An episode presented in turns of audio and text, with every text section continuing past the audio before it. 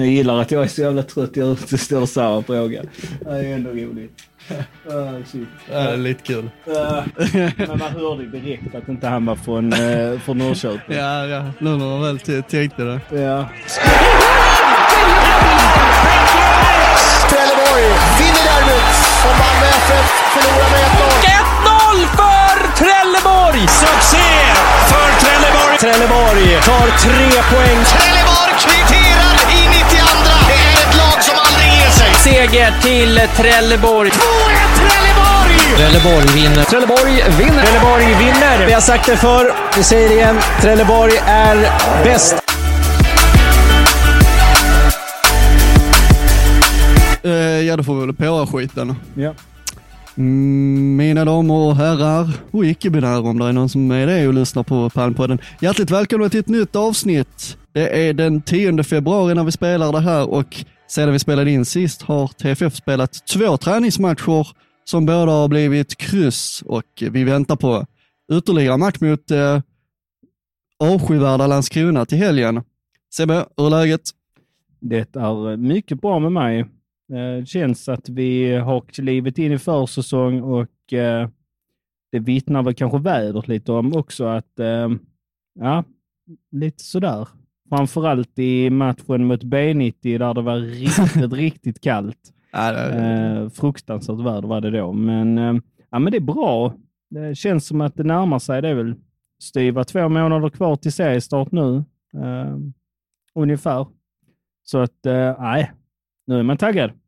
Ja, man börjar ju känna det nu. Jag kände det när jag gick eh, in på Vångavallen där, träningsmatchen mot B90. Det bara fan vad kul det ska bli med fotboll igen och att det börjar liksom växla upp. Sen blev det ju inte så jävla roligt när man stod där för det var en sån helt fruktansvärd eh, fotbolls eh, vinden satte ju sin tydliga prägel på den matchen. Mm. Det var ju inte mycket fotboll, det kan man ju inte säga. Det var ju som eh, en, en som riktig palmpodden-legendar Fredrik sa, det, det, det den här matchen handlar ju bäst bara om att ta på sig stället och se så det passar. Det var ju lite så. Ja, men det blir det ju under försäsong så kan ju vädersmakt också sätta gall, äh, galler, galler, heter det så? Nej, S- Eh, någonting med galler i, nej vad sa man, spikar i galler? Skitsamma. Ja. Vädret kan ställa till det. Och, Ståltråd i, propellrarna. Ja, men något liknande. Men ehm, nej, men man får, väl, man får väl säga att de rätta förutsättningarna för att spela en bländande fotboll fanns inte på ett B90. Matchen mot Öster eh, inomhus i deras eh, träningshall. Ehm, såg faktiskt väldigt lite av den matchen. Eh, vet inte om du såg den? Jag tittade, jag tittade med ett halvt öga när jag satt på tåg. Ja. Som sagt, Östermatchen kan jag inte tala för, men B90-matchen var ju verkligen en sånt här riktigt, riktigt januariväder där man eh, mest står och funderar på när matchen ska ta Ja. slut. Eh, lite så kände jag sista 20 minuterna att äh, men du kan lika bra blåsa av nu för att jag pallar snart inte mer. Men jag tycker att båda matcherna präglas ju kanske framför allt av eh, en övertygelse att TFF inte är eh, färdiga. Man har inte byggt färdigt truppen, man har inte värvat färdigt och man är taktiskt kanske inte riktigt eh, färdiga än. Eh, vi har ju en liten gruppchatt, ett, gruppchatt, ett gäng TFF-are och en viss korpet skrev en sak i den chatten som jag reagerade på, som jag tycker att han kanske hade rätt i, eh, när han skrev att Eh, Det känns som TFF mest typ repeterade kontringar i eh, matchen mot Öster. Jag tror det var han som skrev det. Mm. Jag tror att det ligger någonting i det, att man på förhand sa att nu ska vi, nu ska vi testa vår kontringsstyrka den här matchen och ligga lågt och försöka kontra lite. Men Ja. sen, sen var det liksom så här, helt OK första halvlek, där man är, det var en ganska jämn matchbild som svajar lite åt båda hållen. Sen gör TFF ganska mycket byten i andra halvlek och har inte så mycket spel i den halvleken sen. Nej, men det kan säkert ligga någonting i det Ted säger. Eh, Det tror jag definitivt att kan göra. Samtidigt så får man inte bli naiv heller. Och, och, eh, jag tror ju kanske att det är en frukt av att vi fortfarande inte har den forwarden vi vill ha. Mm. Eh, tycker man ser ganska mycket den här röda tråden i ett svagt anfallsspel. B90-matchen kan man inte prata om. Det lilla jag såg mot Öster tycker jag det blir ganska tydligt att vi har en avsaknad av en tydlig target. Samtidigt så ska man ändå ha i beräkning att vi saknar x antal spelare och vi har inte värvat färdigt. Därför blir det lite vad det blir. Det är många ungdomar i andra halvlek som du pratar om i form av byten där. Och ja, intressant är väl kanske att se nyförvärven som vi kan prata lite grann om. Salama och Olausson som numera är klar, som vi har på tråden om en liten stund. Um, två intressanta spelare helt klart. Jag tyckte vi... båda utmärkte sig väldigt mycket mot mm. B90, åtminstone i den matchen som jag såg fullt ut och um, bidrar med någonting båda två. Ja, där har vi ju fått lite besked i alla fall. Om TFF Spel inte har gett så mycket besked så får man ju säga att uh, beskeden har varit desto fler från Salama och Ola Aresson, två spelare vi har lärt känna lite mer nu under uh, träningsmatcherna. Lia, jag upplever dem som kanske ganska lika i, sina, i spelstilen eh, offensiva spelare, framåtlutade som man gillar att, att prata om. Eh, Liam, lite så här, lite dribbler. Salama nog det också. Eh, nej men så det, det, är liksom rätt egenskaper, typiska yttrar. Typiska yttrar. Poängspelare, uh, skjuter, passar, alltså så här, båda delarna av spelet. Så typiska, på, typiska yttrar, båda två. Tror du det kan vara så att man har letat någon form av ersättare till Peter medan han är borta? Att det är spelare som ska ha efterlikna Peter lite grann? Eftersom om vi bevittnar förra säsongen så var ju Peter trots allt borta en del och när Peter var borta så hände det inte mycket offensivt. Och jag, kan det vara så att man har värvat in spelare som ska spegla Peter lite grann som man kan starta med, men som kanske man kan kasta in där man får samma valuta fast kanske något lägre i dagsläget än Peter? Ja, jag, jag tror, om vi pratar om att man ska sätta en eh, mall eller en sån här golden standard för en, vad TFF ska ha för ytter så tror jag ju Peter bockar av alla punkterna med mm. råge. Mm. Jag tror Peter är liksom idag mallen för vad vi ska ha och vad vi vill ha för ytter i Trelleborgs FF. Och jag tror att eh, eh, många liksom transferfönster framöver så kommer liksom när vi värvar en ytter så kommer det vara jämförelse med Peter. En Peter-typ, en Peter-liknande spelare och så vidare. Så jag tror absolut att den här gyllene standarden, eller vad jag ska kalla det, är eh, Peter. Och jag tror definitivt att vi, att vi rekryterar utifrån den standarden just nu. Eh, därav Liam Olausson och Otmane Salama som vars kvaliteter är ungefär vad Peter eh, var, men som du också säger, Peter lite längre fram i utvecklingen än båda de här spelarna som är betydligt yngre. Mm. Och eh, som inte, Peter kom ju till oss med superettan-rutin och även rutin från spelet eh, Serbien, tror jag det var, han har spelat högsta liga och så vidare, så han hade ju mycket erfarenhet på, en, eh, på elitnivå, på jämförbar nivå med TFF. Det har ju inte Liam Olausson och Otmane Salama, så det är ju en startsträcka för dem. Mm. Men utifrån råmaterial så tror jag man har absolut försökt hitta någonting där man kan efterlikna eller ska, återskapa någon typ av Petar Petrovic. Så jag tror absolut att han är liksom standarden från ytter i Trelleborgs FF idag. Ja, men jag tror jag håller med dig där. Jag tror att han har satt en, en som en sorts mall vad mm. man vill ha och jag tror, tror man kan eh, se ett mönster i det när TFF värvar som du är inne på. Eh, två spelare har kommit in sen vi poddade senast. Det är ju den nämnda Liam Olausson och även en spelare från finska ligan. Namnet har du på tv-skärmen. Jag har det på skärmen. Högst upp. Mikko! Vittiko. Mikko Mikko Vittiko. Lati. Ja, Eller ska man säga Lahti? Eller FC Lahti. Jag vet Lahti. Ingen aning om man uttalar Vi Mikko. Mikko Vittiko. ja, det, ja, det, det, det, det ligger så. Mikko Vittiko. Men vet du var han har spelat tidigare? Han kommer från finska ligan. FC Lahti. Han har också spelat i Vasa. Han har spelat i Vasa. Han har spelat i Vasa. Han har inte blivit skadad i Vasa. skadad i Vasa. Han har blivit mycket skadad i Vasa. Nu ska vi se här. Eller Vasana Palja. Ingen aning om man uttalar det klubbnamnet, så det ger jag mig inte ens på. Eh, de där. Vasan. Vasa. Finsk mästare 2014 med HJK Helsingfors.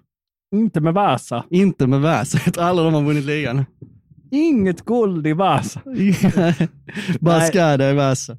Bara skadad. Eh, jag ska erkänna att jag har ingen eh, direkt kunskap om vem Mikko Vittiko är som spelare. Jag tänkte att jag skulle försöka nosa fram lite om honom så att när han blir klar och jag såg så här inlägg på FC Latis eh, sociala medier så kollade jag där.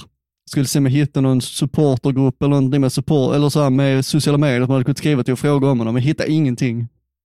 För visst pratar man svenska i Vasa?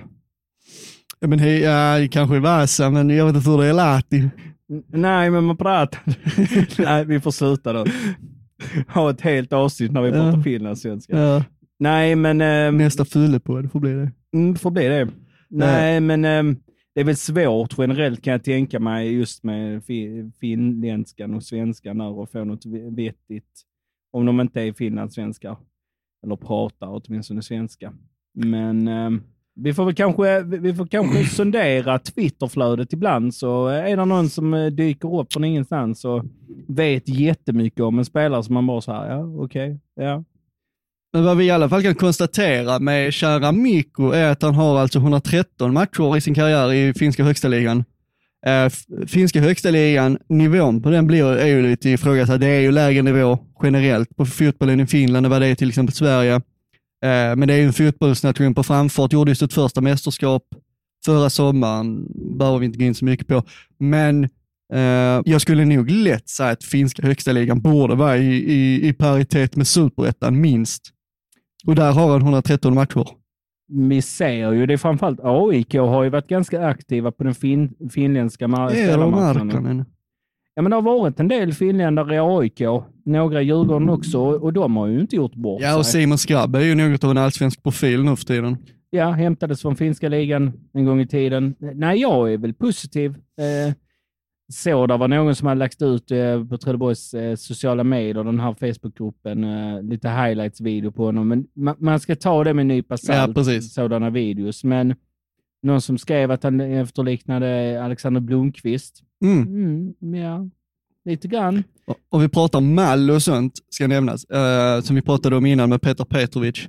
Min mall för en mittback kommer alltid att vara Mats Hummels. Jag kommer alltid ha han som mall för en, en- vad en mittback ska vara.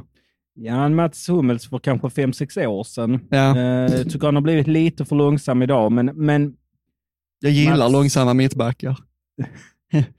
så, Holger, Så- Holger Bastor Ja, men när, när, det blir, när det blir jobbig löpduell och de bara fuck it, ut med benet och bara fäll den jäveln och ta gult kort. Jag gillar då mittbackarna.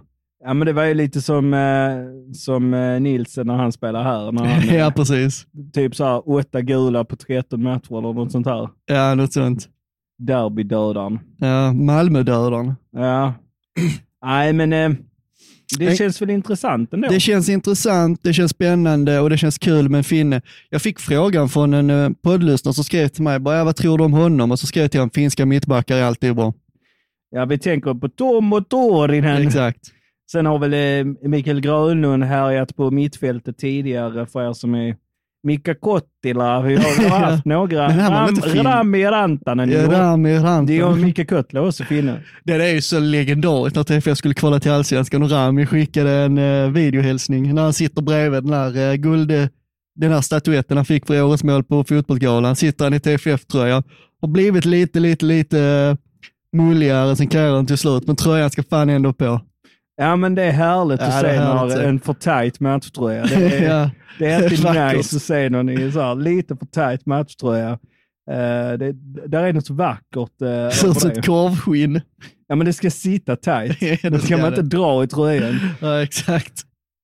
Utopin ska man ska sitta så tajt så man inte kan andas. Ja.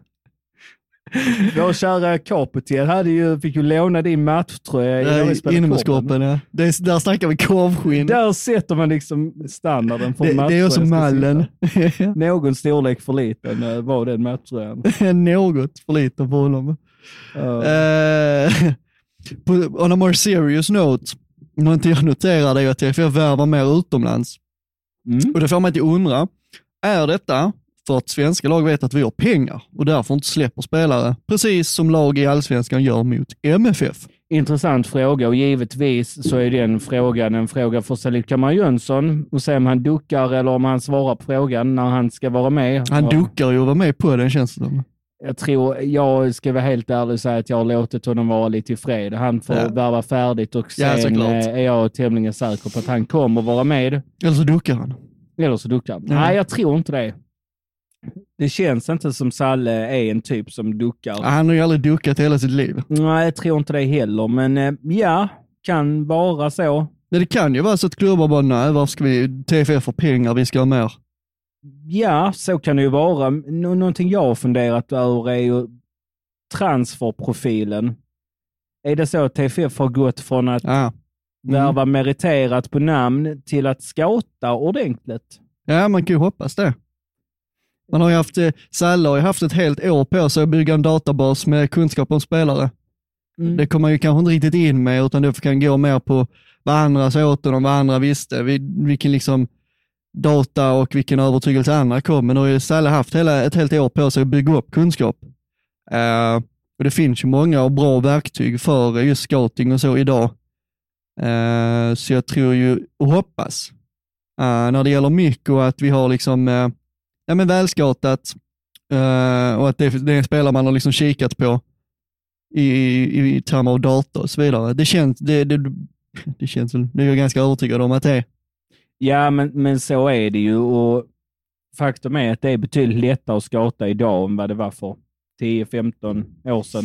Liam är nog mycket mer så här, typ en spelare som man fick något tips från, från någon agent där man liksom bara, ja men vi honom på provspel. Han tror jag mer är en sån spelare man bara, oj shit, han skulle vi ju kunna ha.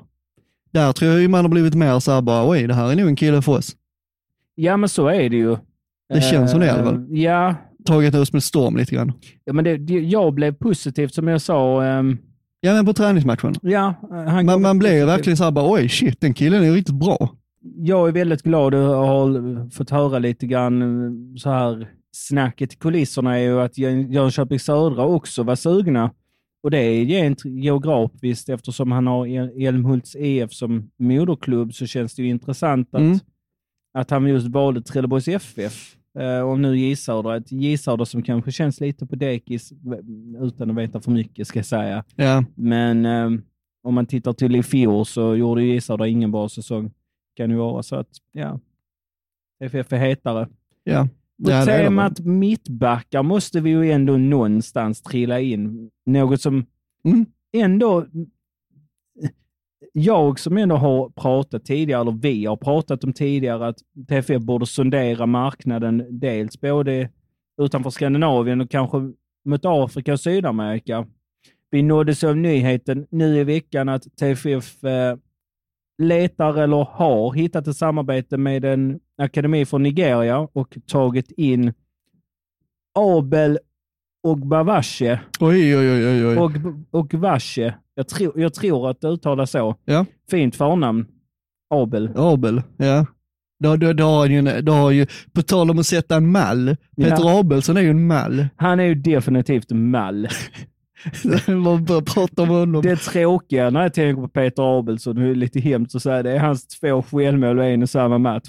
Förutom att han, han spelade briljant i Trelleborgs FF, var en sväng och vann SM-guld i MFF och sen kom tillbaka till TFF. Men att han gjorde två självmål i samma match inom loppet av typ 10 minuter eller något sånt där. Ja, det är ju helt sanslöst. Helt bisarrt var det. Men Abel Ogvashe, en 19-årig mittback från Nigeria. Frågan är, är han 19 år? Jag tror att den diskussionen kan vi ha lite senare i programmet, men eh, vad som rör ålder som är helt bisarrt egentligen. Men eh, han påstås vara 19 år, det får vi väl eh, Ja, vi utgår ju såklart från det. Skämt eh, åsido. skämt åsido. Vi kan ju kan väl säga att det är intressant. Ja, men det det är klart det är. Och samarbete i, eh, vad gäller liksom spelare som värvas från Afrika till Sverige så har ju, vi har ju några lysande exempel på spelare där det har gått fantastiskt bra. Eh, Hammarby hade ju, Ja, de, är ju de är ju definitivt... de hade ju en mittback som såldes till Belgien. Jag kommer inte ihåg hans namn nu för att det här blev så spontant. Ogion eller något sånt här va? Ing, jag kommer inte ihåg. Och- Men Amour måste ju vara någon sån afrikansk import som nu har Ganon. gått till FCK. Ganania. Eh, vi har ju för många år sedan Tete Bangura, AIK. Ja. Båda Bangura-bröderna kan man säga, där är ju Mohammed Bangura också. Mm. Exemplen är många på duktiga afrikanska unga fotbollsspelare som kommer till Sverige, sätter, sitt, sätter sin prägel på, eh, på, på allsvenskan och superettan och går utomlands. Ja, Så att, eh, jag tror Sverige och allsvenskan och svensk fotboll generellt är ett bra liksom, mellansteg för en afrikansk spelare som ska vidare sen. ja, men det är det ju och vi har ju faktiskt haft eh, Ibrahim eh, Koroma Ja, här i precis. Trelleborgs FF eh, från Sierra, Le- Sierra Leone. hade ju en boom där i Mm. början på 10-talet där eh, Ja, det var lite gubbar. spottade ut. Eh, och jag tror att Tete Bangura och Mohammed också är från Sierra Leone. Ja, jag de, tror det hade, de hade liksom en, verkligen en kull där, där det var många. Ghana är väl kanske det främsta. Ja. I Nigeria är ju också förstås en, Ja, en eh, Igboneik är väl nigerian tror jag som har spelat mycket i Allsvenskan. ja. och sen är det ju David Ackham som också är från Ghana. Ja. Så där är, där är många namn. Det man får med spelare från Afrika är ju stenhårt arbete. Eh, Där är ju han också som spelade i Helsingborgs IF som spelade till Inter bland annat. Uh, usch, vad heter han nu? Jag var galet förtjust i honom. Och vad heter han? Uh, Nej, här står det still. spelade Inter. Spela HF, spel, spela sedermera i Inter. Eh, säkert någon poddlyssnare som eh, kommer att kommentera det. Men ehm, i, i, alla fall, eh, att liksom ha lite samarbete med eh, akademi och så i Afrika och eh, på så sätt bygga kontaktnät och så vidare, är det ju absolut ingenting att förlora på. Sen tror jag kanske Afrika, när vi pratar sofistikerad scouting och så, så tror jag det är mycket svårare i Afrika. Jag tror inte datainsamlingen är lika omfattande där, utan där får man nog gå lite mer dels på word of mouth och dels också vad, liksom kontakter och så vidare rekommenderar. Eh, kan jag tänka mig i alla fall. Ja, men så är det ju. Därför är det ju otroligt intressant att ta hit en spelare för att se vad han går för. Och, Ja. ehm, Provspel har vi aldrig något att förlora på. Nej, men det har vi ju inte. Eh, och vad jag har hört så ska den här Abel vara riktigt, riktigt bra. Mm, Och ja. det spetsar ju till det i kampen. Och det får ju mig till att fundera, är det så att någon mittback fortfarande är på väg att lämna? Jag har ju pratat om ett intresse för Isak Jönsson tidigare. Är det så att det har blivit konkret nu och att man därför plockar en eh, mittback från den här akademin, eller är det bara en ren slump att de skickar sin bästa man? Alltså förr eller senare känns det ju som Isak, eh, sen jag personligen är jag kanske inte övertygad om att Isak är rätt spelare till att ta liksom ett stort, långt kliv. Men jag kan ju säga, han var etablerad i allsvenskan. Jag kan säga han typ går till USA och så också utan problem. Danmark kanske till och med. Sirius har ju någon sån här desperat mittbacks, så de söker med ljus och lykta. Mittback, jag tror de har värvat någon mittback nu. mm. Jag kommer inte riktigt ihåg vem. Men det hade varit en tänkbar destination också, men eh, det, det, det känns ju för Isak som att ja, det, det kanske är dags för honom. känns väl som att Isak har kommit upp i den åldern nu där det kanske blir dags att ta nästa kliv. Um, Sirius har hittat sin mittback, men eh, jag är väl rätt säker på att ja, jag har en känsla som säger att han inte spelar Trelleborgs FF när säsongen startar. Men nu är det ju inget internationellt transferfönster öppet. Eller Nej. få i alla fall. Men det är ganska många allsvenska klubbar som letar efter försvarare, vilket eh, får mig till att fundera på att är det så här att han landar i en konkurrent eller i ett allsvenskt lag? Ja, vi får se. Sen är det ju liksom så här, eh, även om vi tar in den här mittbacken nu, måste inte nödvändigtvis betyda att någon är på väg ut. Det kan ju också vara att vi vet att det är en startsträcka för spelare, att man kanske inte går rakt in i en startelva, även om man har världens största talang, utan att det är lite startsträcka, det är lite integration, lära sig språk, tugget på plan och så vidare. Att man liksom vet att ja, vi tar in han nu, han är jävligt lovande, men startman är han inte förrän som ett år. Kanske. Nej, Hammarby har väl jobbat så. Så har jag förstått det mycket. Mm, Så Mamou eh, exempelvis vet jag har varit i, i Hammarby något år innan han fick spela A-lagsfotboll och sedermera så gjorde han ju bra succé. Ja, Odion heter han, eh, mittbacken. Får bra så här. Jag kom på det nu. Odion. Ja, ja, ja. Säker. Som gick till eh, Belgien från Hammarby. Vi har ju han Musheko i Djurgården som var fantastiskt bra också, anfallaren, fast han var lite äldre. Han var ju inte så här riktigt ung talang, men han var däremot 27-28 år och jävligt bra. Skitsamma. Men det är ju intressant åtminstone att konstatera att eh, känns som man går åt rätt håll.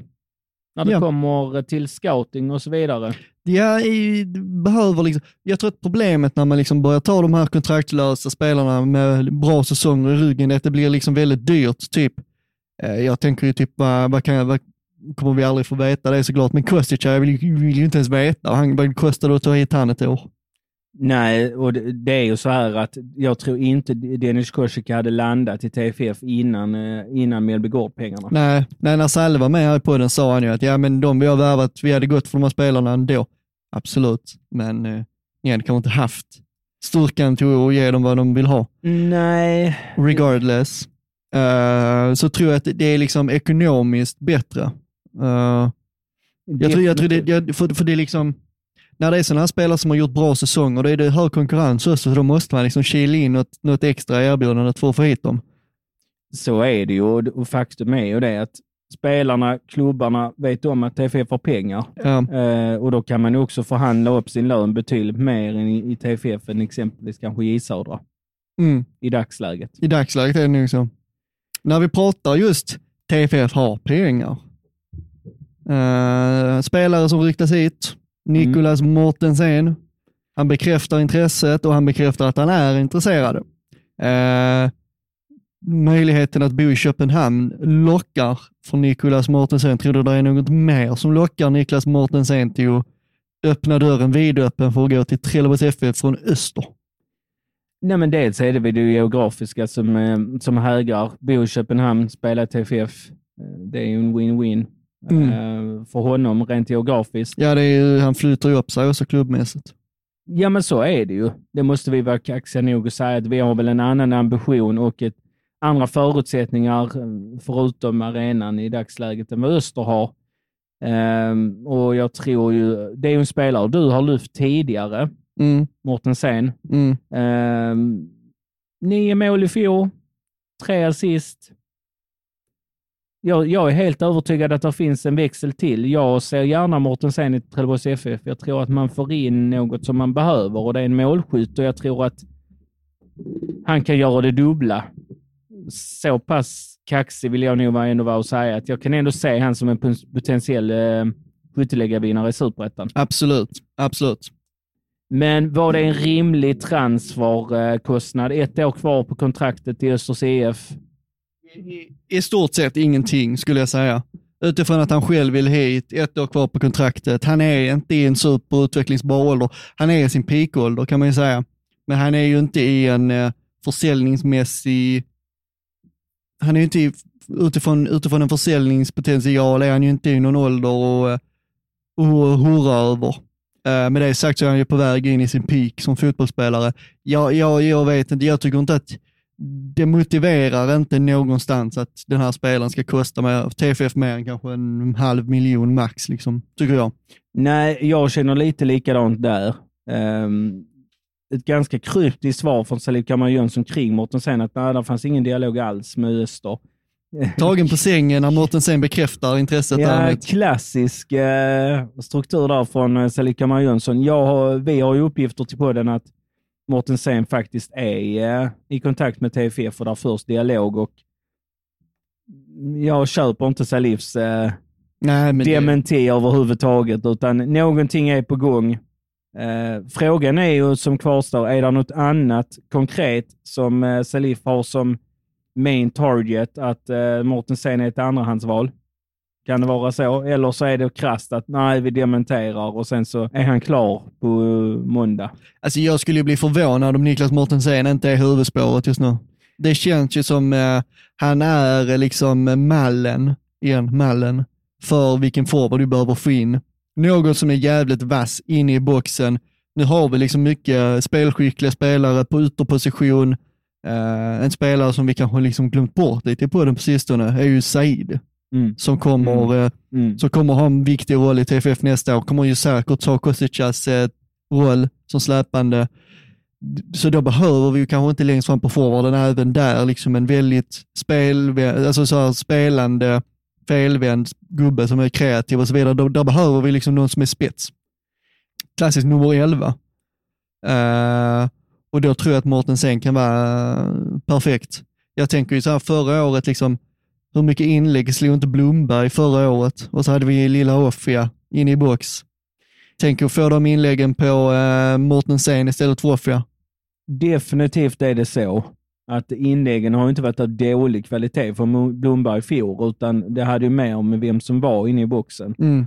Att slå bollen eh, i luften på Offia är ju helt fel verktyg för att få Offia till att må bra som fotbollsspelare. Och Mortensen tillför ju en annan spelartyp, så att säga. En, Ja, men annan, det- en annan dignitet i spelet. Och, nej, det ska bli intressant att följa. Vi får ju se vad som händer kring forwardsbesättningen.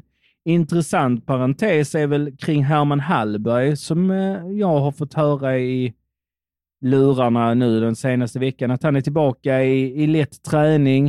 Eh, Viktigt. pratar lite med Mm. honom och han tycker det känns bra.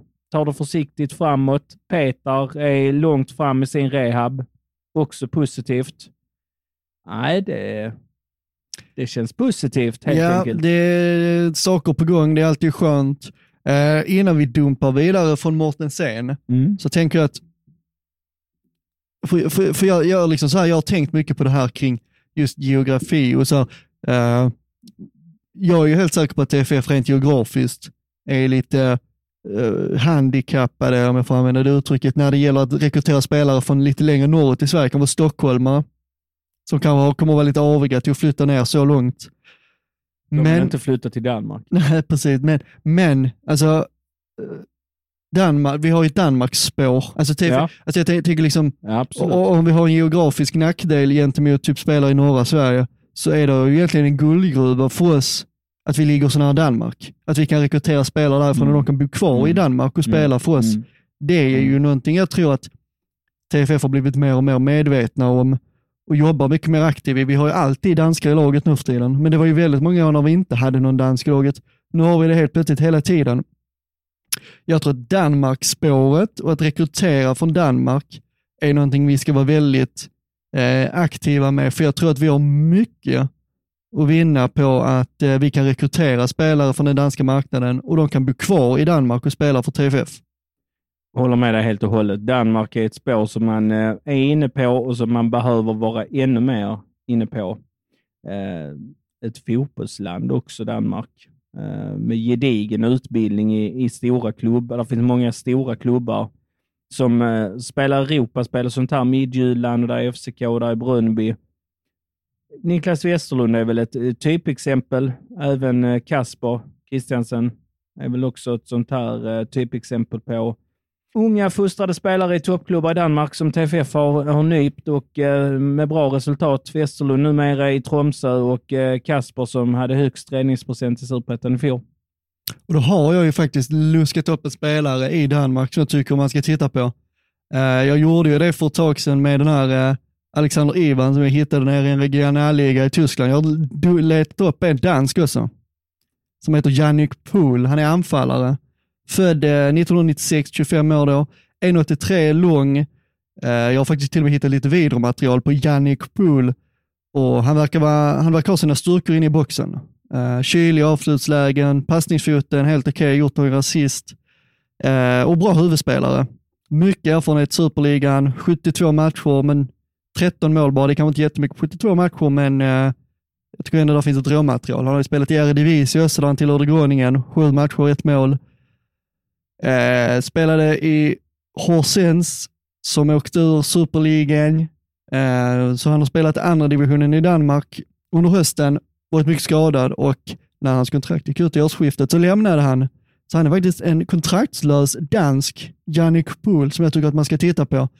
Eh, har även spelat i Alborg, eh, förutom Horsens. Och känns för mig som en spelare som behöver liksom väcka liv i karriären och göra någon flytt som liksom får fart på det igen. Kanske att han behöver korsa Öresundsbron och väcka karriären till liv i Sverige. Det är ju lite danskar som har gjort det genom åren, kommit hit och fått fart på det igen. Kanske att Jannik Pohl är nästa man att göra den, göra den resan.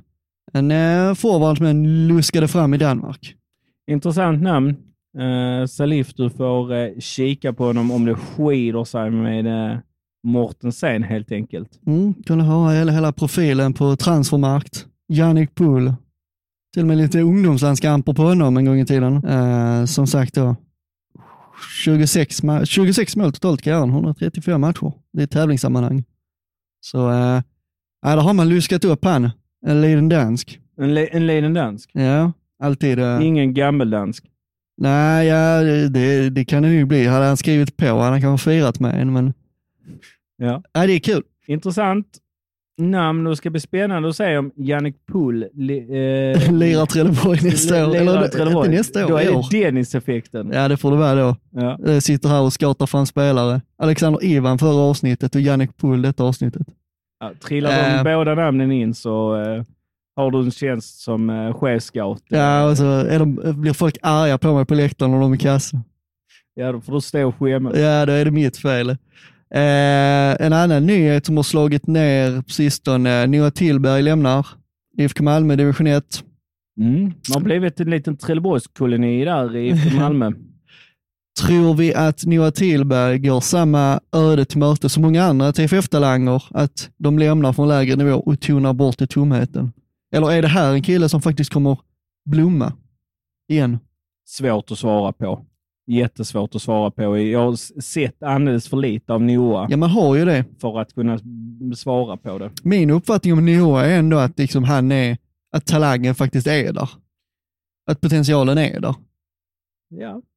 Och jag kommer ihåg när jag såg eh, TFFs U21 möta Värnamos U21, då liksom den enda som jag tyckte utmärkte TFF den matchen var Noah Tillberg. Ja, och så kan det ju säkert vara att ehm, han kommer kanske må bra av att spela ett år i uh, division 1 med IFK Malmö. De klarar väl sig kvar, vad jag, om jag minns rätt. Ja, de ska spela division 1.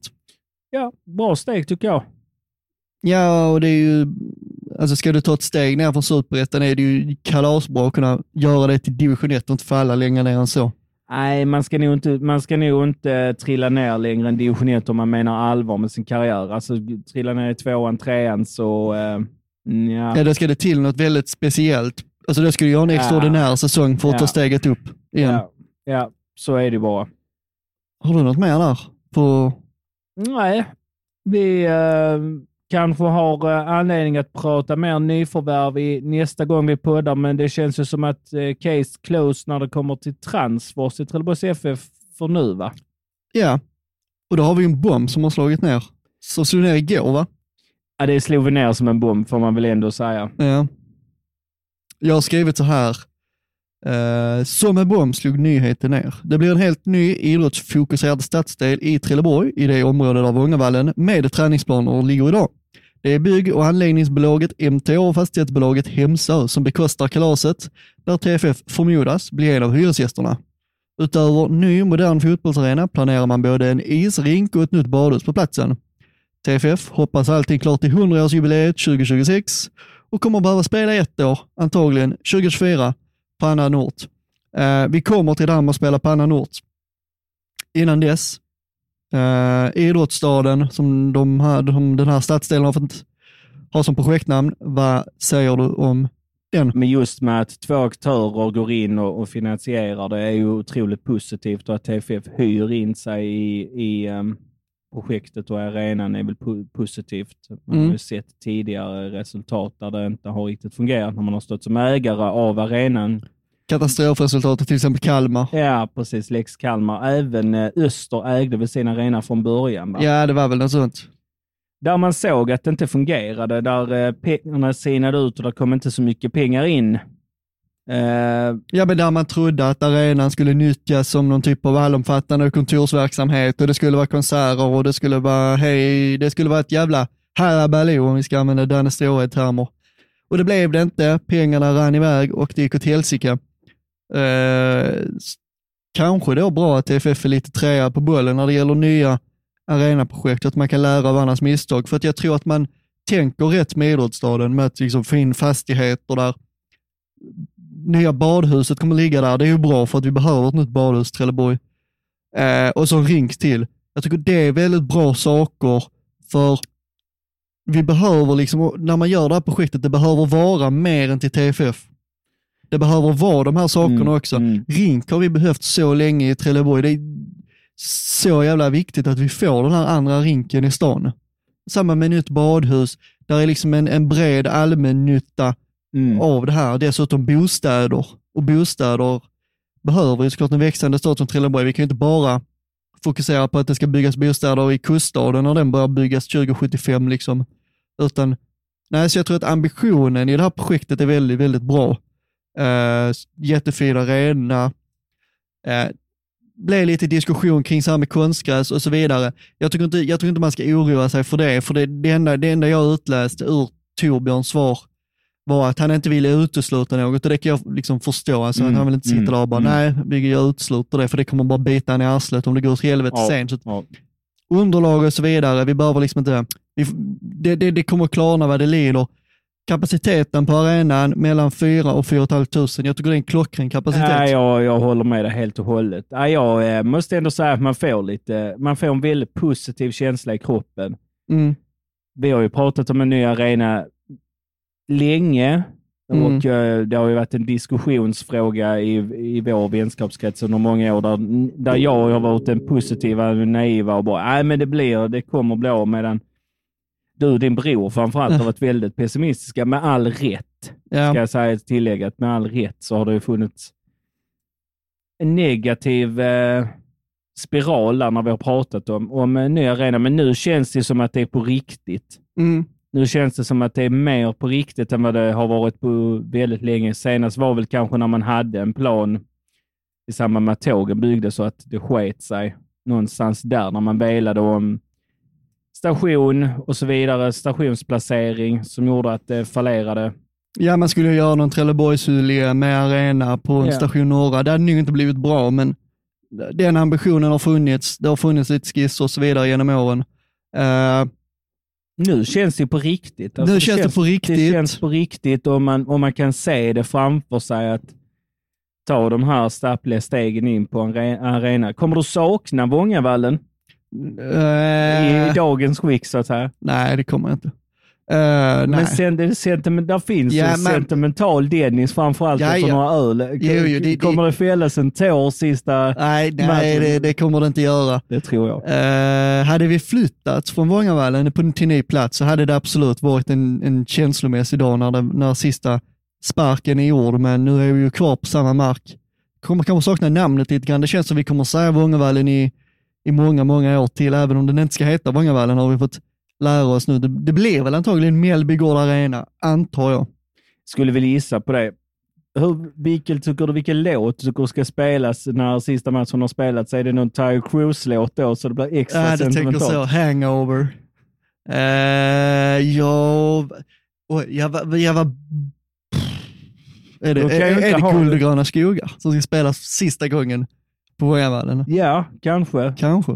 Eller den här, du, du, du, hur fan går det nu när vi har vunnit? Ja, den... eh, Du, du, du, du, du, du, du, du, du, du, du, du. Sjukt oklara låten som alltid spelas efter, eh, efter ja, just det. Den. Just det. Ja, just det. Ja, just det. De kanske ska skrota den i samband med, eh, med eh, att arenan... Kanske. Undrar om man får vara med och hjälpa till att riva skiten, för Ja. det, är jag, det är jag jävligt sugen på. Riva en av byggnadsställningarna. Ja, eller... Ja, men en sak som jag tycker är väldigt viktig i det här skeen, ske, skedet, gör nu inte liksom som Frö, det misstag Frölunda gjorde med sin logga. Ha en dialog med supporterna, Ja. True Blues, Ja, om vad True Blues vill ha på den här arenan, vad, vilka önskemål fansen har. För att, se, nu, se bara till så att det är liksom en öppen dialog genom hela projektet och exkludera inte True Blues i det här, för det behövs eh, ordentlig ståplats för hemmasupportrar. Jag skulle rösta för en hel kortsida som är ståplats. Eh, alternativt liksom en hel kortsida där kanske halva läktaren är någon typ av bar med sittplatser mot plan eller någonting. Mm. Eh, Mm. bortafansen behöver ingen ståplats, vi kan ha stolar där. Eh, om det skulle vara så att man känner sig begränsad utifrån hur mycket ståplats man kan göra. Bortasupportrarna ska man skita i. Ja, precis. Skit i det. Man behöver inte tänka på det, eh, utan prata med True Blues, vad True Blues önskar och behöver på den här nya arenan.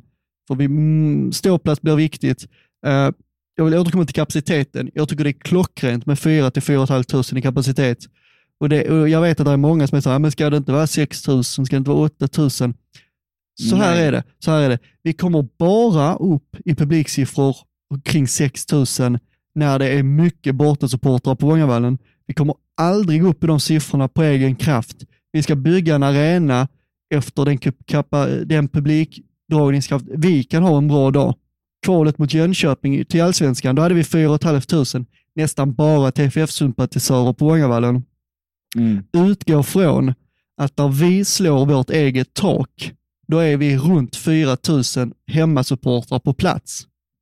Så 4 500 är en klockren kapacitet.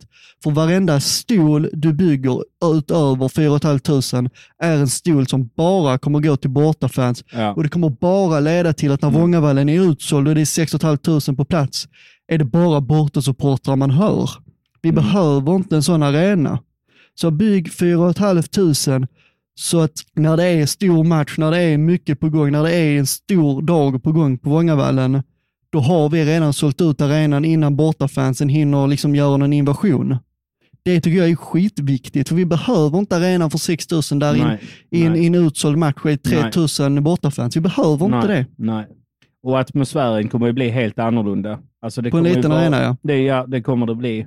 Eh, Jag tror, ju, jag tror ju med framgång för klubben så kommer vi kunna ligga på ett snitt runt 3. 2, 8, 3. Ja, Och det innebär att... vi måste då, vara ärliga om det.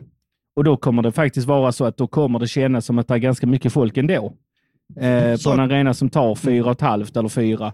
Har vi 3 och 1 en match, då, då kommer Ja. det kännas som att den nästan är fullsatt och trycket kommer vara... Ja, Jag tror att det kommer bli lite som det är i Ängelholm i hockey. Ja, men precis. det precis kommer exakt. bli ett otrolig atmosfär. För en viktig sak när det gäller publik och livepublik, för det, det här måste vi också vara ödmjukt, ödmjuka inför det faktum att eh, tv kommer plocka, alltså te, det, det är liksom så med tv idag, för för typ 20 år sedan. Det här är en separat diskussion, men jag tycker det här är något jag har tänkt mycket på, men som jag aldrig tagit upp i podden, som jag tycker det, är, det kan vara dags att lyfta det. För att jag tycker att vi ska inte vara besatta av publiksnitt och hur mycket folk som kommer till Vångavallen och sånt. För att det är så här, för 20 år sedan stod en fotbolls, eh, en TFF-are inför valet. Ska jag köpa matchen på pay-per-view för 100 spänn eller ska jag gå dit och betala 100 spänn? Så ser Mm. det inte ut idag. Nej. Idag har du redan betalat för ditt kanalpaket, så antingen sitter du hemma och tittar på matchen på tv som du redan har betalat för, eller så går du dit och betalar Mm. pengar för Mm. att se matchen. Mm. Det är mycket bekvämare att titta hemma och du behöver inte lägga till pengar på det. Eh, och Det gör att det blir svårare för folk att motivera livepublik i framtiden. Det är Mm. synd för oss som går dit och ser alla matcher Mm. live, förstås. Mm. Men jag tror att, tu, tu, jag, jag tror att du är inne på det. Ett bra år för TFF, ja runt 2,80 i publiksnitt. Mm. Låt oss vara ärliga, när vi spelar allsvenskan, Mm. ett bra år, vi kommer snitta runt 3000. Mm. Och det är inte för att ingen bryr sig om TFF. Det gör många människor. Och det kommer vara många som bryr sig. Men det kommer vara väldigt många som tittar hemma för att det helt enkelt är bekvämare. Tror du det kan vara så att folk har blivit ännu mer bekväma i samband med corona? Och Ja, det tror jag. Det tror jag. Jag tror det är många, jag tror det är många klubbar som, som är lite förlorare i det. Och vi vet att det är liksom klubbar som, kolla på Kalmar. Alltså de har, kan ha tusen pers på en match och presentera fyra och ett halvt. Alltså de är, de är sådana extrema liksom, lögner när det kommer till publiksiffror. Vilken För- för- sågning till Kalmar FF. nej men det, det är för att man redovisar sålda biljetter. Mm. Mm. Eh, och, och så liksom, eh, så här, vi, när det gäller liksom ett arenaprojekt, håll nere liksom, eh, eh, inte ambitioner, det ska vara stora ambitioner, men håll nere vilken publik man förväntar sig. För vi kommer inte snitta 4000, TFF kommer aldrig göra det, har aldrig gjort det, kommer aldrig göra det. Är vi med och slåss om SM-guld, ja då kommer vi nog vara uppe runt 4000 och i snitta. Men en vanlig säsong i allsvenskan, någonstans mellan 2 och 5 och 3 och 3, där kommer vi alltid ligga publiksnitt eh, i Ja, men det, allsvenskan. är, det är väl inte helt tokigt? Nej, det är det inte. Det kan verka lågt och det kan verka som eh, eh, alldeles, alltså så här, men, men, men tv-publiken kommer fortsätta sno livepublik, så är det bara. Och det kommer drabba oss i framtiden. Eh, så att jag tycker liksom man ska inte ha för stora ambitioner. Ja, men på en ny arena kommer publiken öka en massa. Nej, det kommer den inte. Den kommer inte det. Jag tror de stora... Nyhetens behag, sen kommer det vara vi som alltid är där. jag är helt med det där. Jag tror nyhetens behag i början så kommer det nog säkert vara fulla hus i början. Mm. Om, om vi ponerar att vi spelar allsvensk fotboll. Då tror jag vi kommer sälja ut i början. Ja, Jag tror den stora vinnaren av en ny arena blir ju såklart ståpasspubliken. Jag hoppas tror det. Att, jag, tror, jag tror med en bättre inramning så kommer vi kunna generera mer ungdomar. Ja, Vi har sett det i vissa matcher, framförallt i toppmatcher, att ungdomarna söker sig till klacken. ja. Eh, tror med ett De bidrar med väldigt mycket energi. Absolut. Och det är, det är någonting som True Blues, om man bollar det till supporter. Till Ja, supportergruppen, att, att eh, försöka locka unga. Ja, bara skapa en välkomnande miljö när unga väl kommer och ställer sig i klacken. Det var ju Precis. en helt magisk dag på, på Vågavallen där vi mötte boys. Jag vet att det är många som inte gillar det här med hatramsor och tycker att det är fel, men helt för, för mig var det en, en, magi när, när vi liksom var i princip sjungande supportrar på tre sektioner och mellan oss gungade Hata Boys. Ja, jag, tycker det var fan, ja, jag tycker det var vackert. Jag vet att alla, det, det är inte för alla, men det tar man fan för oss. Det är ju definitivt för oss två som älskar hetsen. Med boys framförallt. Ja, ja, men där är ju någon, där är, där, där är något vackert i att hata boys. Ja, ja det, där är det. Där- Där, där är, är något romantiskt. Poesin flödar när man tänker på hur mycket man hatar Landskrona boys. Ja, det gör man. Fy fan.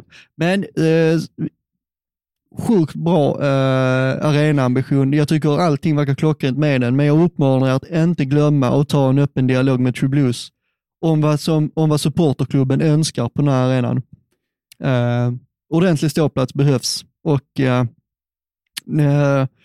jag, jag, nu vet jag inte hur reglerna är i Allsvenskan om jag ska vara ärlig om, ärlig om det är så att det är men bara en viss kapacitet om var ståplats. Jag tror man skrotade det. Men eh, när det gäller ståplats, det behövs bara på hemmasektionen ändå. Det kan vara stolar, så är det på många arenor, att det är stolar på bortaläktaren. Det kan vara så. Det, det, det, det är lika bra.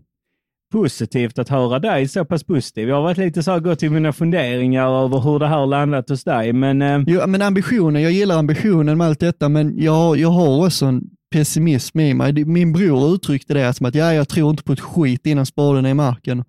Jag är med, jag är med, på den, jag är med i den båten. Mycket kan fortfarande skita sig i det här projektet, så att liksom, Äh. vi vet fortfarande inte var det landar.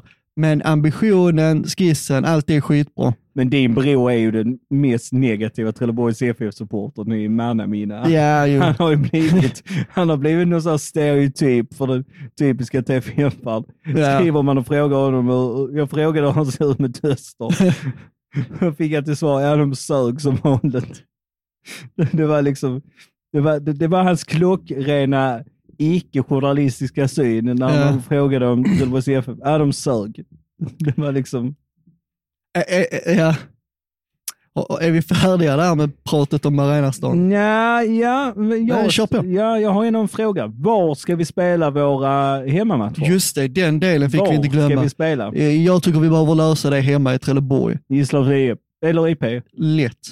Sätt upp hakeställningar och få någon, någon sån här tillfällig tillstånd. Lätt. Kör. Tänk hajen. Jag hade varit Han helt hade- lycklig. Han hade varit...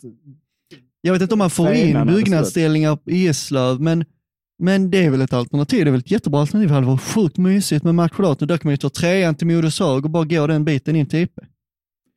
Det hade varit så mysigt. Risken är att man tar den lata utvägen och spelar matcherna inne på Malmö IP. Det, det, absolut, den risken finns, men eh, det kan, fast det är klart, smälla upp massa tillfälliga läktare i Islöv kanske är ännu dyrare, men nej, jag vet inte. Jag hade, hade jag varit TFF hade jag gjort allt för att stanna i kommunen. Eh, sen om det är att smälla upp någon läktare i, på, liksom, eh, heter den Ymervallen som ligger här bakom Köpinge? Ymervallen, ja. Eh, där eller någon av träningsbanorna på Vången, för det går inte där för tajt utrymme. Eh, eh, eh, jag hade försökt stanna i kommunen, jag hade försökt stanna i Trelleborg och smälla upp typ en alltså så här, byggnadsställning, bygga läktare på det och kanske kunna ta in ett och ett halvt tusen. Vad är det för skit som flyger runt där inne? Kanske kunna ta in ett och ett halvt tusen, tusen sittande, 500 stående, typ något sånt på byggnadsställningar och köra det ett år. Någonstans i kommunen. Det hade jag föredragit.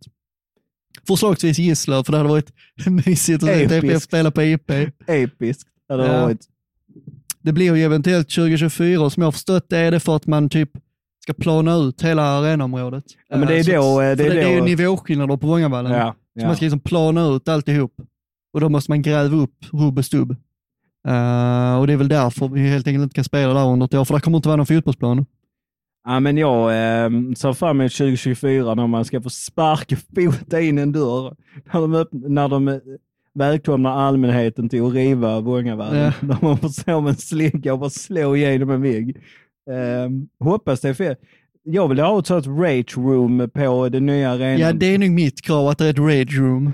Så man får gå in och... NHL, har- vissa NHL-klubbar i hockeyn i, ja, med, i Nordamerika har ju ett rum där man får slå sönder saker. Ja, eller så gamla tv-apparater så att du ska få in ett basebollträ slå sönder det.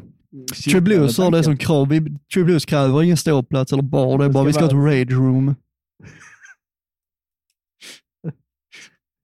Hur många hade anmält sig till det där rummet? Du och jag hade ju abonnerat hela säsongen. Ja, det är bott där inne. Tänk dig säsongen 20, 2020 med ett rage room. Åh herregud vad bra. Ja.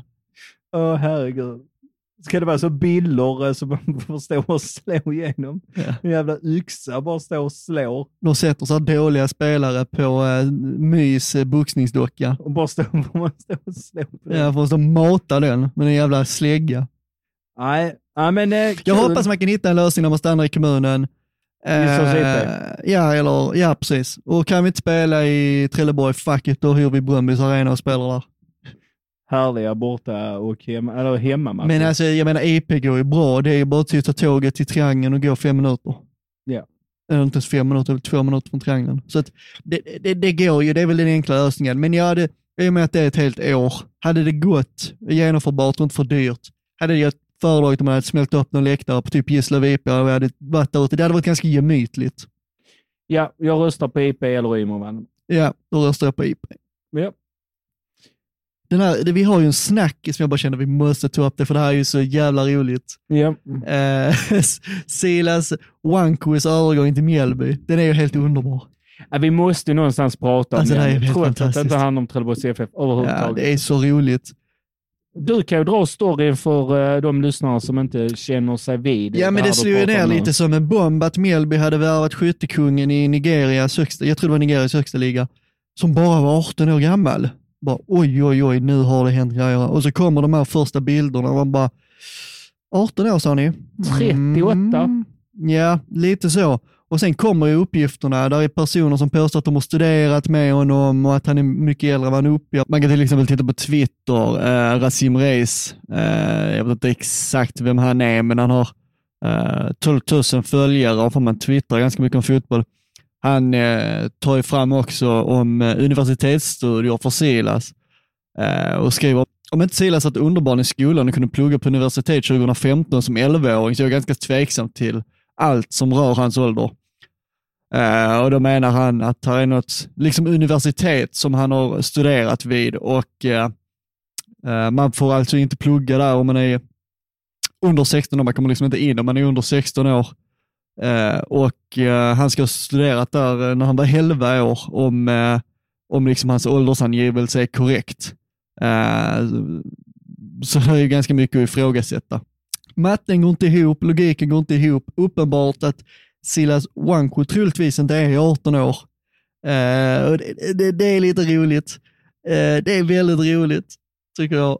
Sen är det väl lite känsligt också med, med risk för att det uppfattas rasistiskt eh, när man pratar om att afrikaner, alltså så här åldersfuskande eh, afrikaner, eh, jag, jag vet att det kan bli lite känsligt, men man, eh, jag tycker det är humor i det, jag tycker det är så roligt.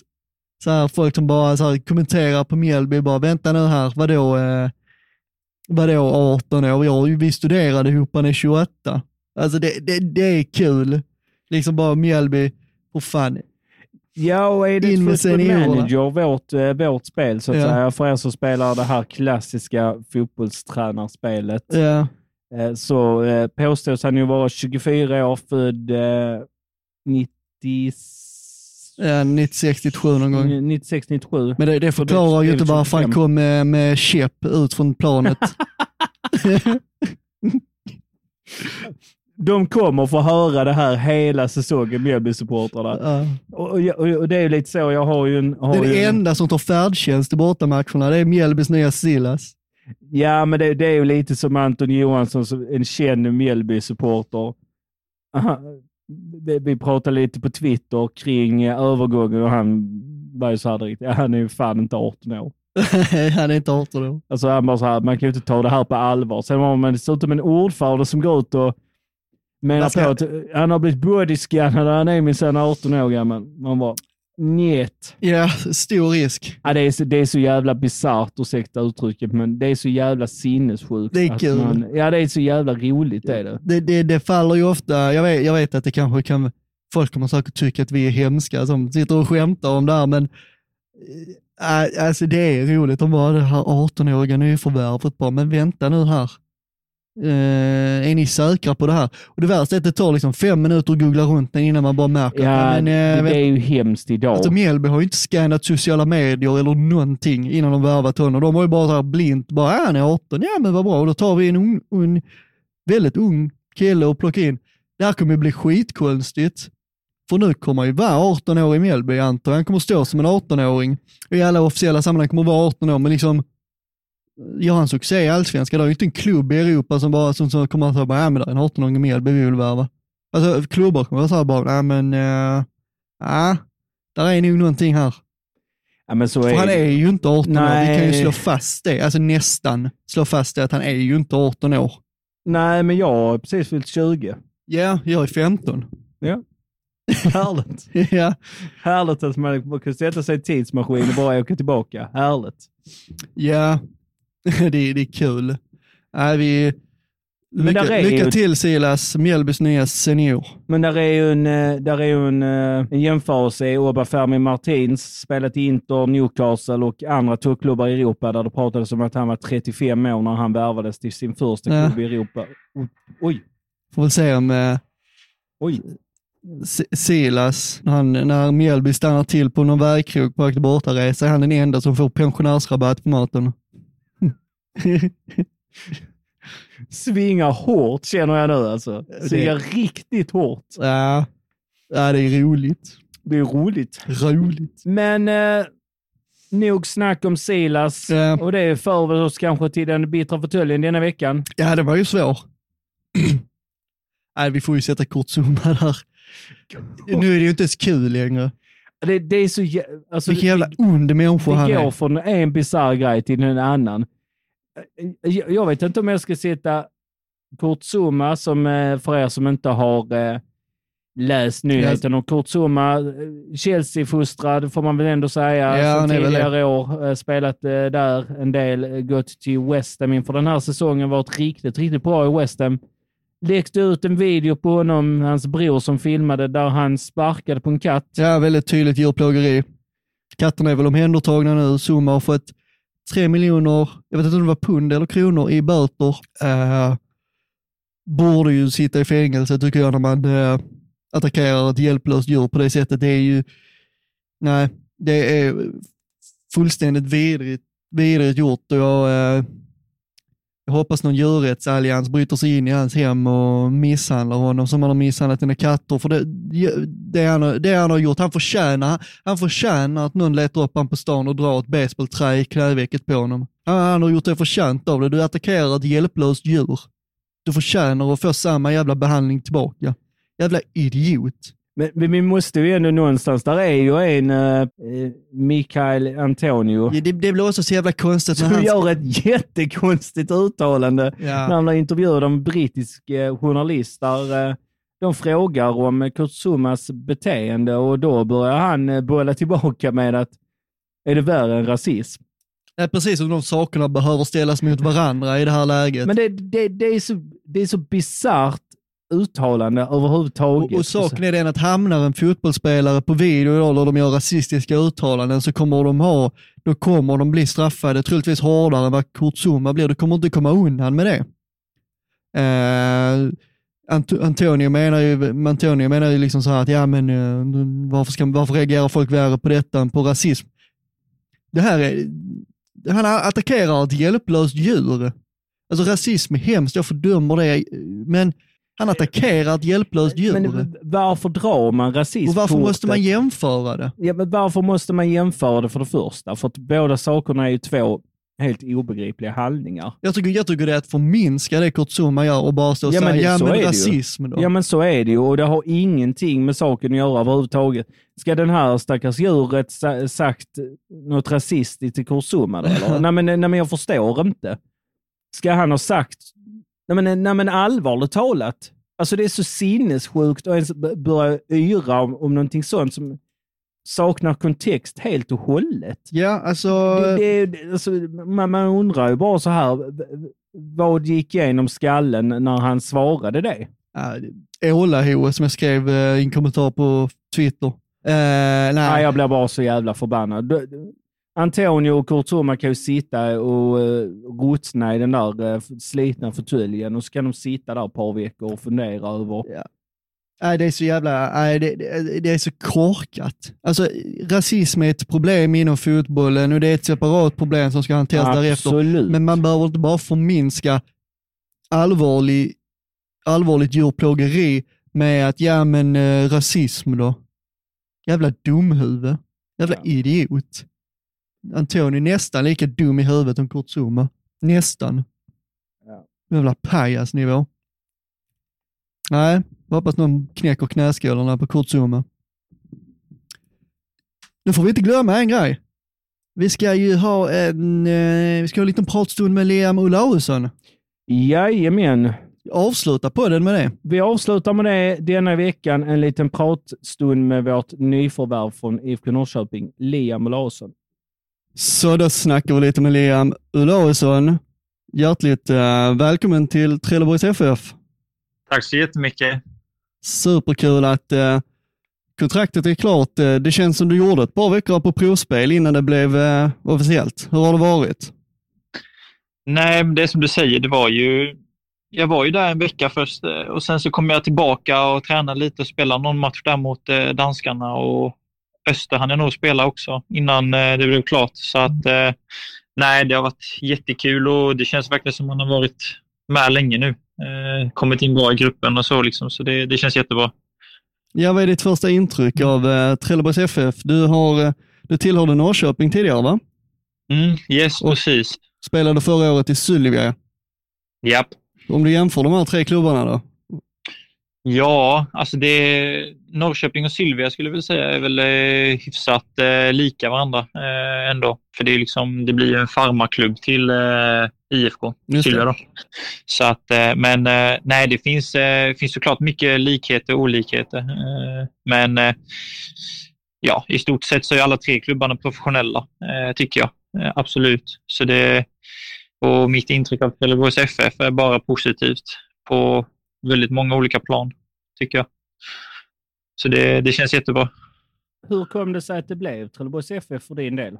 Eh, ja, ja, det är ju som, som jag sa, det var väldigt bra intryck av eh, Christian, hela staben liksom och laget och filosofin, eh, spelsystem och sånt som tycker passar mig perfekt. Eh, och det är liksom det här, vi är inget lag som är, som är här för att vara i botten eller mitten. Liksom. Vi är här för att eh, kriga i toppen och det passar mig perfekt.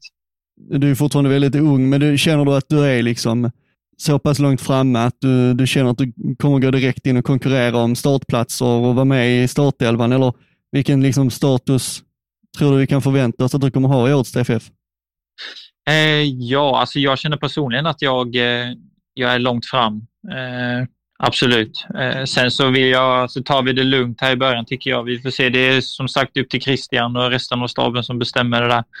Så, men jag är, jag är absolut eh, redo att spela liksom och har, eh, har såklart höga mål personligt och även som lag. Liksom. Så att eh, nej, jag, jag är, jag är här för att vara med och hjälpa till och lära mig och utvecklas. Liksom, så att jag är 100% redo. Hur skulle du beskriva dig själv som fotbollsspelare? Ja, som fotbollsspelare skulle jag beskriva mig ändå som eh, ja, bolltrygg, gilla att komma liksom rättvänd med boll och med fart. Eh, jag har väl en bra speed och kan skjuta med båda fötterna. Liksom, så att eh, också väldigt eh, ja, men lojal och medveten om att man behöver ta ett eh, hemjobb liksom också. Så att eh, det skulle jag väl säga. Ödmjuk? Ja, men lite. Lite så. Jag vill, eh, det, vill liksom framstå som en ödmjuk kille. Det, det, känns, det känns rätt att vara det. Bästa position? Eh, ytterforward skulle jag säga. Vilken position har du spelat mest som fotbollsspelare i din karriär hittills? Oh, jag har spelat mycket olika positioner, men eh, det har nog varit mycket innermittfältare, offensiv innermittfältare innan tidigare år. Då. Eh, och sen så i Norrköping så skolades jag om lite till yttermittfältare, men även centralforward. Så, men det har varit de flesta offensiva positionerna. Vi fick ju vår, vårt första intryck av dig fick vi i träningsmatchen mot, eh, vad heter de, B90, de här danskarna. En, eh, ja, det var en härlig, härlig blåsig eftermiddag den där lördagen. Ja, Betoning på härlig vett fan. Härlig, blå, härlig, härlig frisk blåst. Och du fick göra ett härligt mål i den matchen. Ja, men det var kul. Absolut. Alltså, vilka egenskaper eh, får man se på fotbollsplanen eh, när Liam Olausson spelar fotboll? Oh, ja, men ja, det skulle nog vara att eh, mycket fart med boll, liksom. eh, även utan boll. Eh, gillar liksom gå, gå mot mål och vara där framme liksom, och kombinera mig med mina medspelare och så. Det här är så improviserat, vi bara ställer samma frågor två gånger. nej, nej, men det... Eh, nej, men eh, en annan, vad, är det någon i laget du tycker eh, sticker ut lite av dina nya lagkompisar? Oh, eh, nej, men det, det är... Jag tycker som helhet så är, vi, är det ett väldigt bra lag. Liksom. Jag tror vi kan ta oss väldigt långt på det. Sen krävs det såklart eh, folk som sticker ut också. Eh, men, nej, men det är, som sagt, det är många som ser fina ut på träningen nu. Och så jag vågar nog inte nämna någon sådär Mm. specifik, men det är många fina så att det kommer, kommer ni nog få se. Är det någon spelare du eh, känner sedan tidigare? Eh, Jag måste tänka här nu. Nej, det är det nog inte faktiskt. Det är, det är många lag jag känner som jag har mött. Att det är många spelare man känner. Men just i Trelleborg här nu så är det väldigt mycket nytt för mig faktiskt. Är det någon Där. i laget som har tagit extra hand om dig nu när du kommit till Trelleborgs FF? Ja, men det, de är fina allihopa killarna. Eh, det är många som har, som har välkomnat en fint och som man har liksom snackat med. Så att, nej, men det finns jättemånga där. Det är ju, det är ju Blomberg, Modig och de här liksom som, som är jättefina Rävarna. personer. Ja, men precis. Nej, men de är, de är, de är fina allihopa. Så det, det har varit jättelätt att komma in i Ja. laget. Jag tänkte också typ så här, är detta första gången du lämnar Norrköping? Ehm, ja, men det blir det ju. Eh, Hur, hur jag- tror du det gör, dig- gör, påverkar dig som människa och liksom flytta så långt? Ändå ner till sydligaste Skåne liksom. Ja, men det är ju, jag flyttade ju faktiskt från eh, Småland, eh, Älmhult, upp Mm. till Norrköping när jag var 16. Så att, eh, jag har Ah. ju gjort den resan, bodde där själv. Liksom. Det hör man ju. Ja. Ja, ja men jag lite skulle så. precis säga det, att man hör det väldigt tydligt. Det tänkte jag direkt när du svarade. Att kommer inte från Norrköping. Norrköping. fan. Nej, den, den dialekten kan vara en av de anledningarna för att jag flyttade också. Skåns, skånskan är bättre. Ja, ja, fy fan. Mycket bättre. Vi är inte från Norrköping. Nej, nej, nej, nej usch. Det, den skippar vi. Bor du i Trelleborg eller du bor i Malmö nu? Eh, Just nu bor jag i Malmö hos mamma. Eh, Mamma bor faktiskt i Malmö. Hon flyttade, hon flyttade ner året efter jag flyttade upp faktiskt. Då flyttade hon ner eh, för hon vill ha lite större stad och så. Så att hon bor här nu. Så jag bor ju hos henne lite nu i början. Men det är ju Mysigt. skönt. Ja, men det är jätteskönt. Jag har ju morsans mat liksom nu efter tre år själv. Så är det jätteskönt. Ja, det förstår jag då. Det är inte så mycket hämtpizza längre med andra ord. nej, nej? Hempizza varje dag. Men så när, när, när du var i Norrköping, alltså i akademi och så, då har du varit liksom själv och så? Bott själv? Ja, Hur, jajamän, hur, själv. hur, vad, är, vad är det för upplägg de har där med det? Eh, nej, men det är ju alltså. Jag flyttade ju så pass långt och jag, jag var ju medveten om att jag behövde flytta om jag ville satsa med min fotboll. Så att, eh, nej, men de hade ett upplägg med, de fixade lägenhet till mig, eh, centrala Norrköping. Eh, där jag, eh, ja, jag bodde själv där liksom, en tvåa. Eh, gick i skolan då i gymnasiet och så. Och sen eh, har de ju varit väldigt så här, omhändertagande. De har ju hjälpt till med, vi fick mat och sånt här efter träningar ibland och sånt. Så att eh, det, det har inte varit några konstigheter. Jag är ju svag för IFK Norrköping. Är det något lag jag tittar på om jag tittar på svensk fotboll, förut, förutom TFF, så är ju Norrköping ett lag jag tycker spelar otroligt vacker och Mm. trevlig fotboll faktiskt. Så att man unnar ju dem eh, att faktiskt vara med och slåss om SM-guldet fullt ut nästa säsong. Mm. Ja, nej, absolut. De spelar en jätterolig fotboll. Det har blivit lite annorlunda nu med Rickard, men jag tror om det klaffar så kommer det nog bli, kan det nog bli bra faktiskt. Absolut. Jag håller en liten tumme. Men eh, synes ju kanske i, i sista gruppspelsmatchen, har vi en, sjutton vad vi hade där? Vadå? Dennis. Vi synes kanske sa jag, men så tänkte jag på superettan. Vem är det vi har i sista matchen? Gruppspelet. I kuppen Ja. är det inte typ, är det inte typ Sylvia?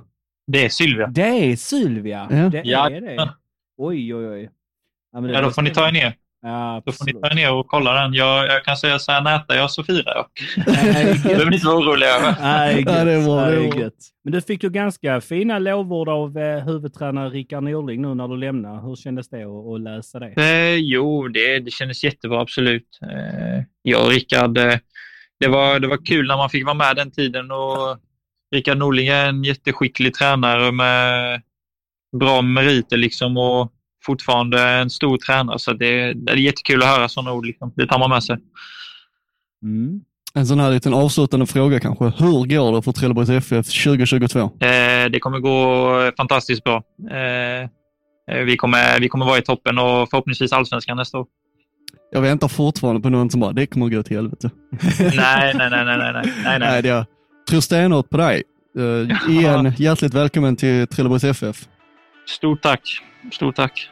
Mm, med det sagt Sebbe, Då loggar vi ut för eh, denna veckan. Glöm inte att följa oss på sociala medier. Vi växer på Instagram. ja, Eh, Palmpodden, Twitter, Facebook, Instagram. Där finns vi. Uh, glöm inte att följa oss på alla poddplattformar också, Spotify, Apple Music, allt vad det heter. Vi finns där vi finns. Det är bara till att följa så, och interagera. Så hörs och syns vi snart igen. Det bäst. Hej. Hej.